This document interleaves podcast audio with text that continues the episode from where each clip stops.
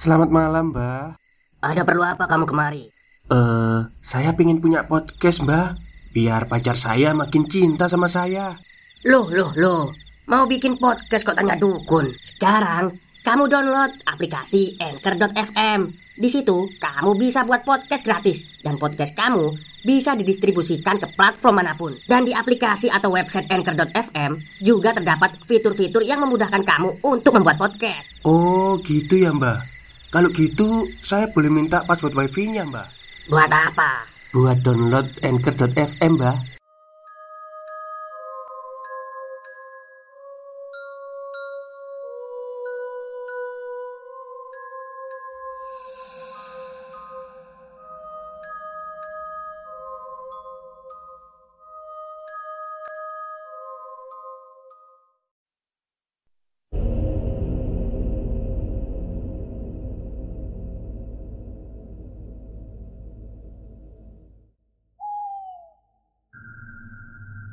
Assalamualaikum warahmatullahi wabarakatuh. Halo semuanya, jumpa lagi dengan saya Chow Sing Sing, kurator dari Podcast Horror Night Story. Halo, apa kabar semuanya? Semoga kalian semua sehat-sehat ya. Dan seperti biasanya, pada siang hari ini Saya kembali dan akan menghadirkan sebuah kisah mistis untuk kalian semua Kisah mistis kali ini saya datangkan dari tweet twitternya Mas Bri Story Yang menceritakan tentang sebuah pabrik yang memiliki mes Tapi ternyata di mesnya ini ada sesuatu yang menyeramkan. Baik, daripada kita berlama-lama Mari kita simak ceritanya Lingkungan kerja baru pasti menyajikan cerita baru juga. Apalagi kalau sampai harus tinggal di tempat baru, kita nggak tahu ada sejarah apa di belakangnya. Fadli akan menceritakan kisah seram ketika tinggal di mes berhantu di Tasikmalaya. Simak di sini di Bri Story. Oke Mas Fadli. Sampai ketemu hari Senin ya. Oke oke. Eh tapi saya minggu sore udah ada di Tasik. Saya udah ada di mes minggu sore insya Allah. Oh gitu. Tapi mas Kalau minggu sore mes kan masih kosong. Belum pada dateng. Biasanya penghuni baru berdatangan Senin pagi. Ya nggak apa-apa lah mas. Biar santai kalau Senin pagi saya harus berangkat malam dari Jakarta. Tapi Tapi kenapa mas? Oh nggak apa-apa deh. Nggak apa-apa kok. Begitu percakapanku dengan Ridwan melalui telepon. Ridwan adalah teman baru. Dia nantinya akan menjadi rekan di perusahaan tempatku bekerja. Nantinya. Ya, Aku baru saja diterima kerja di satu perusahaan manufaktur memproduksi plastik. Setelah melalui serangkaian wawancara dan tes yang dilakukan di Bandung, akhirnya aku diterima bekerja sebagai operator mesin. Ya, aku menjalani wawancara dan tes masuk di Bandung di kantor perwakilan perusahaan jadi sama sekali belum pernah datang mengunjungi lokasi pabrik yang ada di Tasikmalaya. Aku yang belum menikah dan masih tinggal di rumah orang tua. Gak berpikir dua kali untuk mengambil kesempatan ini. Walaupun bukan multinasional Tapi perusahaan ini bukan perusahaan kecil. Memiliki sekitar 500 karyawan Yang membuatku tertarik mereka memberikan beragam fasilitas. Salah satunya mes, tempat tinggal untuk karyawan berdomisili di luar Tasikmalaya seperti aku ini yang tinggal di Jakarta. Jadi nggak perlu pusing memikirkan biaya kos atau kontrak rumah. Ya sudah, singkat cerita aku memutuskan untuk tinggal di sana, bekerja mencari nafkah dan tinggal di Tasikmalaya. Tahun 2007 Ini bukanlah pertama kali aku menginjakan kaki di Tasikmalaya. Semasa kuliah dulu, sudah beberapa kali datang berkunjung. Kota di lintas selatan Jawa Barat masih kota kecil, tapi sangat menarik dan nyaman. Seperti yang sudah direncanakan sebelumnya. Pada satu minggu sore, aku sudah sampai di terminal bis Tasikmalaya. Di terminal besar, inilah bis yang mengantarku dari Jakarta sampai ke perhentian terakhir. Nah, ternyata alamat perusahaan ini lokasinya agak jauh dari pusat kota. Malah sudah lebih dekat ke kota Ciamis. Karena itulah, dari terminal harus terlebih dahulu dua kali naik angkot untuk sampai di tujuan. Tapi nggak apa-apa. Perjalanan menggunakan angkot di Tasik sungguh masih dapat dinikmati. Suasananya menyenangkan. Tipikal kota kecil yang menawarkan kesegaran udara dan pemandangan. Aku menikmatinya Sebelumnya aku sudah bertanya kepada Ridwan mengenai detail perjalanan yang harus aku tempuh. Kata Ridwan, Sekitar satu jam kurang naik angkot Seharusnya aku sudah sampai di pabrik. Dan benar yang Ridwan katakan Setelah kurang lebih satu jam perjalanan Akhirnya aku sampai di tujuan. Pagar tembok tinggi dan gerbang besi besar Itulah pemandangan yang pertama kali aku lihat ketika baru turun dari angkot Bangunan di dalam hanya kelihatan atapnya saja juga ada beberapa pohon tinggi menutupi sedikit pandangan. Ridwan juga bilang, kalau sudah sampai, aku bisa minta tolong ke satpam yang ada di depan untuk mengantarkan ke mes karyawan. Sore, Pak. Saya Fadli, karyawan baru. Mungkin Pak Ridwan sudah kasih infonya. Ucapku ketika sudah masuk gerbang dan menemui security yang kutemui di posnya. Oh, iya iya, Mas Pak Adi ya. Selamat datang ya, Mas. Pikir saya habis maghrib baru sampai. He. Perkenalkan, saya Saifuddin, panggil aja Udin. Pak security yang belakangan aku tahu kalau namanya Pak Udin Menjawab dengan ramah dengan logat Sunda yang kental Setelahnya kami berbincang saling memperkenalkan diri di pos security Perusahaan ini berdiri di lahan yang menurutku sangat luas. Ada tiga bangunan utama. Bangunan besar yang paling depan adalah kantor manajemen berlantai dua. Bangunan ini yang tadi pertama kali kelihatan dari luar. Di belakangnya ada bangunan pabrik atau warehouse. Ukurannya nyaris sama dengan gedung manajemen berisi segala mesin yang menghasilkan bahan produksi, yaitu plastik. Di sebelahnya ada gedung lagi yang lebih kecil. Menurut Pak Udin, bangunan ini juga berisi mesin produksi, hanya skalanya saja yang lebih kecil. Oh ya, lokasi perusahaan letaknya agak jauh dari pemukiman warga, nggak di pinggir jalan utama agak masuk ke dalam, tapi tetap masih bisa dilewati kendaraan besar. Lokasi sepertinya memang diperuntukkan untuk kawasan industri. Oh iya, Mas Fadli katanya bakalan tinggal di mes ya. Kalau udah siap, ayo saya antar ke mes. Nggak jauh kok, bisa jalan kaki. Kata Pak Udin. Iya pak, mungkin Pak Udin tahu ada berapa orang yang tinggal di mes. Tanyaku Oh kalau itu sih banyak pak dulunya. Sekarang tinggal sedikit pak. Tinggal bertujuh Dulu ada belasan. Ya bertujuh termasuk Mas Fadli ini. Karena Hampir semua karyawan tinggal di Tasik atau Ciamis. Mereka lebih memilih untuk pulang pergi daripada tinggal di mes Kata Pak Udin menjelaskan hanya tujuh orang yang tinggal di mes. Aku pikir banyak, tapi tak apalah. Seenggaknya aku nggak akan terlalu sendirian. Setelah ada security yang lain lagi untuk menjaga pos, aku dan Pak Udin lalu berangkat. Mes terletak di belakang luar wilayah pabrik. Kami harus memutar lewat depan, mengitari pabrik, lalu ke belakang. Jaraknya nggak terlalu jauh, hanya sekitar 15 menit berjalan kaki. Ini tempatnya, Mas. Begitu kata Pak Udin ketika kami sudah berdiri persis di depan bangunan berpagar tinggi dengan pintu besi yang sepertinya terkunci.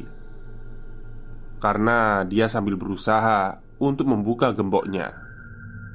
Kalau di sini ada orang atau nggak ada orang, pagernya selalu terkunci, Mas. Takut ada maling. Hehehe.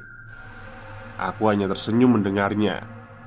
Sambil kami melangkahkan kaki masuk ke area mes. Ada dua bangunan Yang pertama berbentuk rumah agak besar nggak bertingkat Dan satu bangunan lagi berdiri di belakang Bentuknya memanjang seperti rumah kontrakan. Pintunya berjajar ada lima. Rumah ini diperuntukkan untuk level supervisor ke atas mas. Kalau yang di belakang untuk level di bawahnya. Nah, Mas Fadli kan supervisor jadi tinggal di rumah ini. Yuk masuk mas Kata Pak Udin menjelaskan. Stop stop. Kita break sebentar. Jadi gimana? Kalian pengen punya podcast seperti saya? Jangan pakai dukun Pakai anchor Download sekarang juga Gratis Rumah tiga kamar Dengan fasilitas lengkap ada TV, kulkas, peralatan dapur, dan yang lain. Yang tinggal di sini biasanya datangnya Senin pagi. Terkadang ada juga yang datang Minggu sore atau malam, tapi jarang banget. Ya sudah, Mas Fadli mungkin mau istirahat dulu. Saya mau balik ke pos depan ya, Mas. Ini kunci gembok dan kunci rumahnya.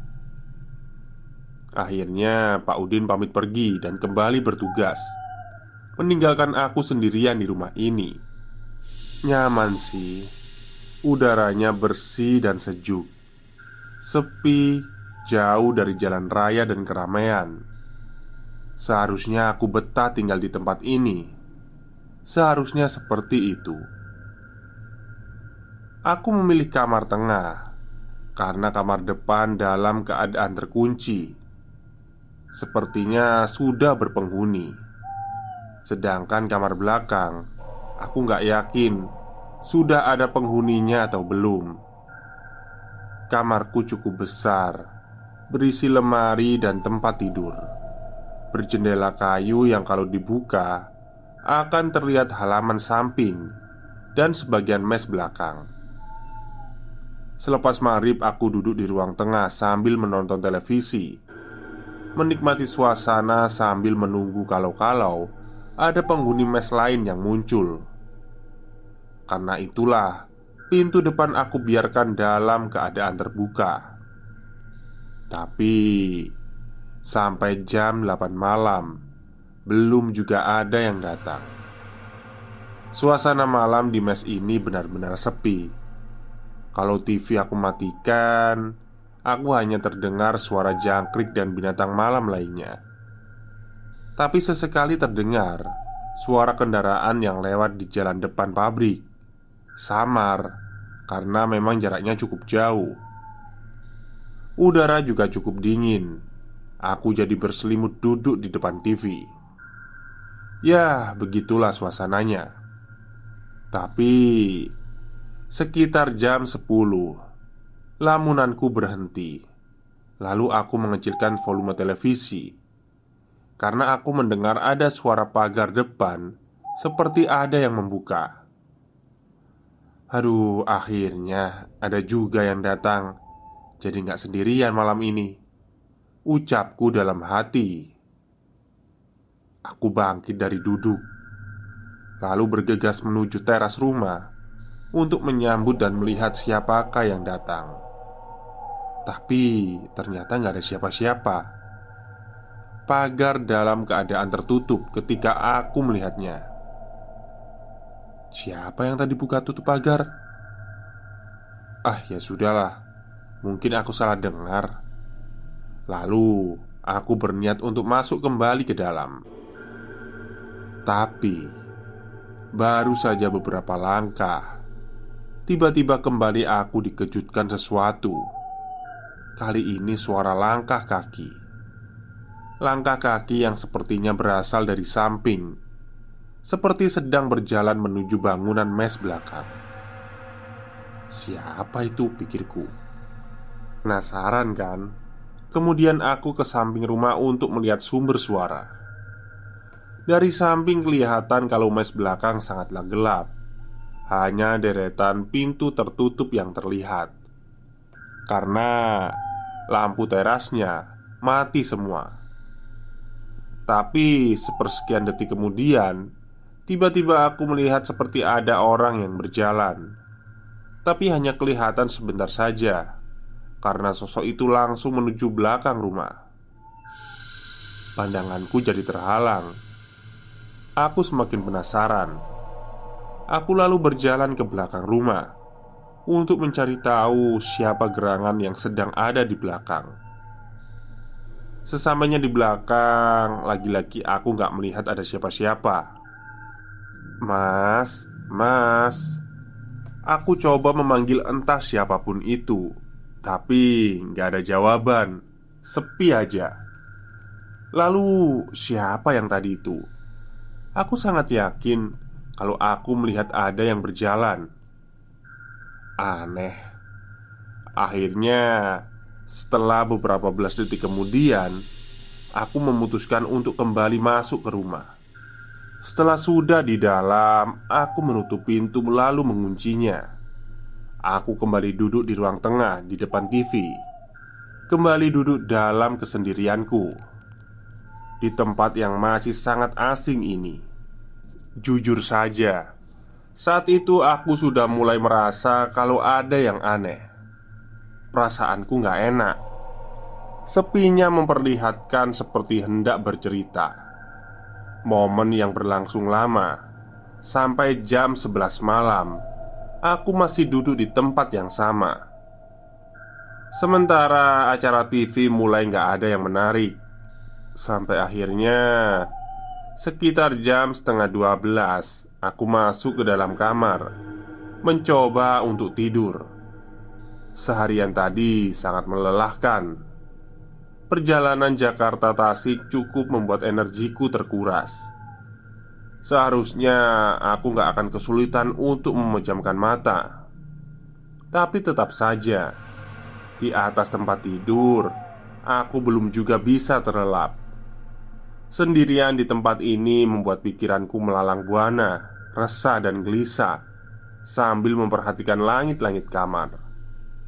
Sempat berpikir untuk keluar rumah lalu menuju ke suatu tempat.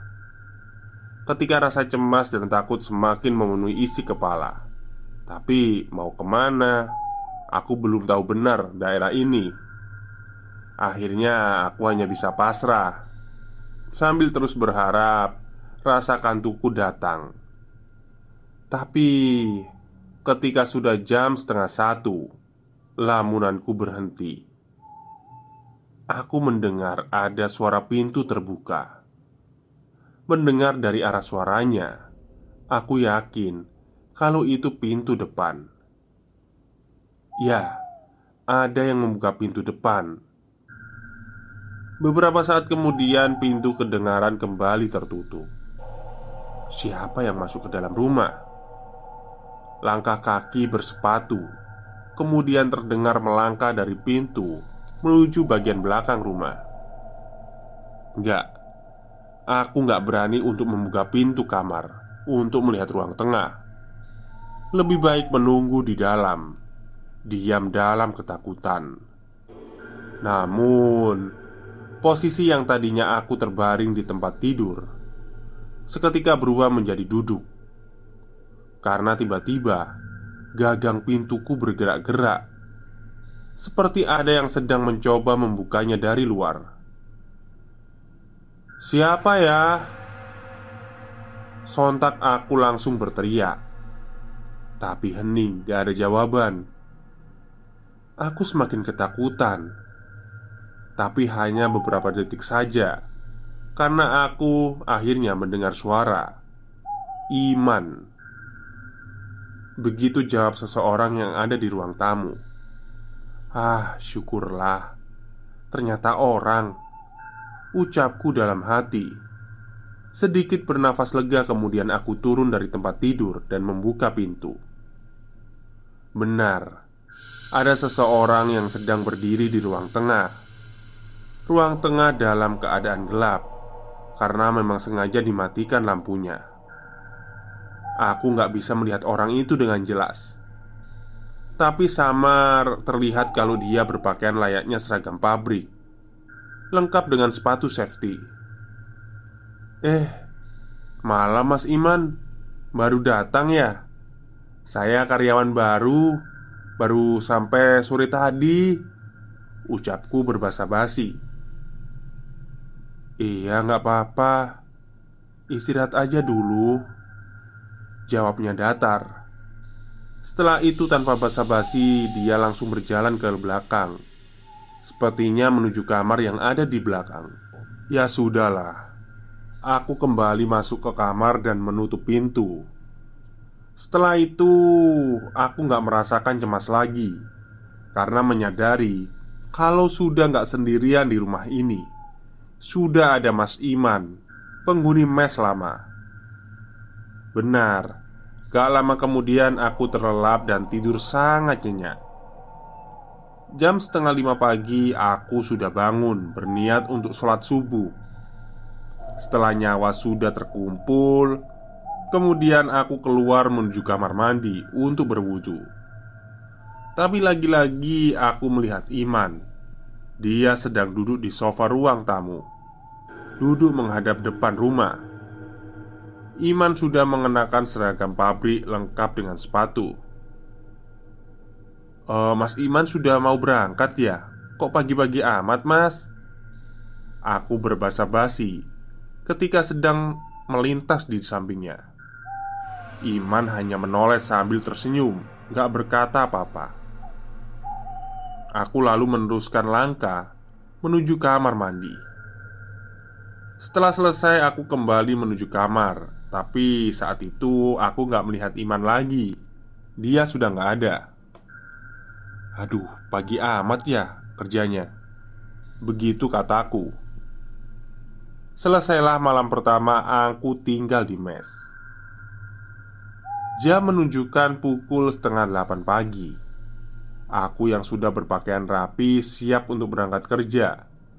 Duduk di teras rumah sambil menikmati kopi dan rokok